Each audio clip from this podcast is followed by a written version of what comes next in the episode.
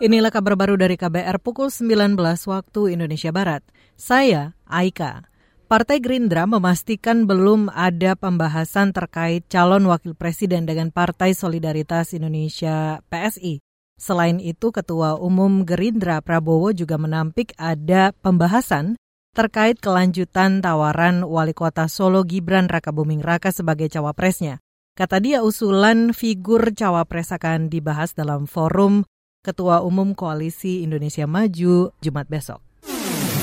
Kabar Pemilu, Kabar Pemilu. Memang benar ada berapa kelompok, berapa ormas, berapa relawan yang silih berganti ke sini dan uh, masing-masing menyampaikan uh, pemikirannya. Ya, ada yang menyebut nama dan uh, jawabannya sama ke saya bagian dari suatu koalisi yang terdiri dari beberapa partai. Ketua Umum Gerindra Prabowo Subianto menegaskan pertemuan dengan Ketua Umum PSI Kaisang Pangarep membahas soal kesamaan visi bersama. Kaisang adalah adik Gibran Raka Buming.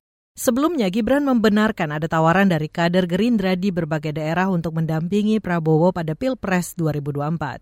Kita beralih ke informasi lain. Mahkamah Konstitusi MK meminta Sekretariat Bersama Sekber Organisasi Profesi Kesehatan menyempurnakan berkas permohonan pengujian formil Undang-Undang Kesehatan.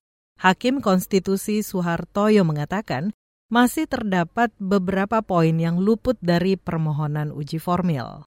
Mahkamah memberikan uh, tenggang waktu untuk perbaikan ditunggu sampai hari Rabu tanggal 25 Oktober tahun 2023 sebelum jam 9 waktu Indonesia Barat. Soft copy dan hard copy sudah harus sudah diserahkan ke bagian kepanitraan dan kemudian MK akan menjadwalkan untuk sidang dengan agenda menerima perbaikan permohonan pemohon.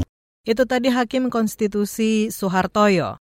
Sebelumnya, pemerintah bersama DPR mengesahkan Undang-Undang Kesehatan. Sekretariat bersama Organisasi Profesi Kesehatan menilai Undang-Undang Kesehatan cacat formil, sebab tidak diikut sertakannya DPD dalam pembahasan RUU Kesehatan. Saudara, lima organisasi yang menjadi pemohon salah satunya pengurus besar Ikatan Dokter Indonesia PBID.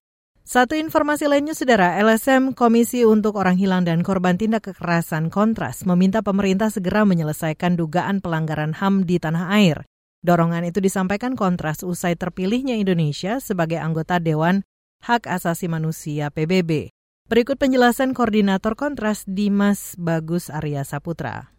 Meskipun kami tahu bahwa di sejumlah kesempatan memang Indonesia selalu menjadi anggota Dewan HAM PBB begitu ya, tapi ini menjadi satu hal yang sifatnya kontraproduktif dengan apa yang sebenarnya terjadi dalam konteks pemajuan dan juga penegakan hak asasi manusia di Indonesia itu sendiri. Dan juga bagaimana peran Indonesia dalam konteks kawasan terkait dengan mendorong pemajuan, perlindungan, penegakan dan penghormatan hak asasi manusia.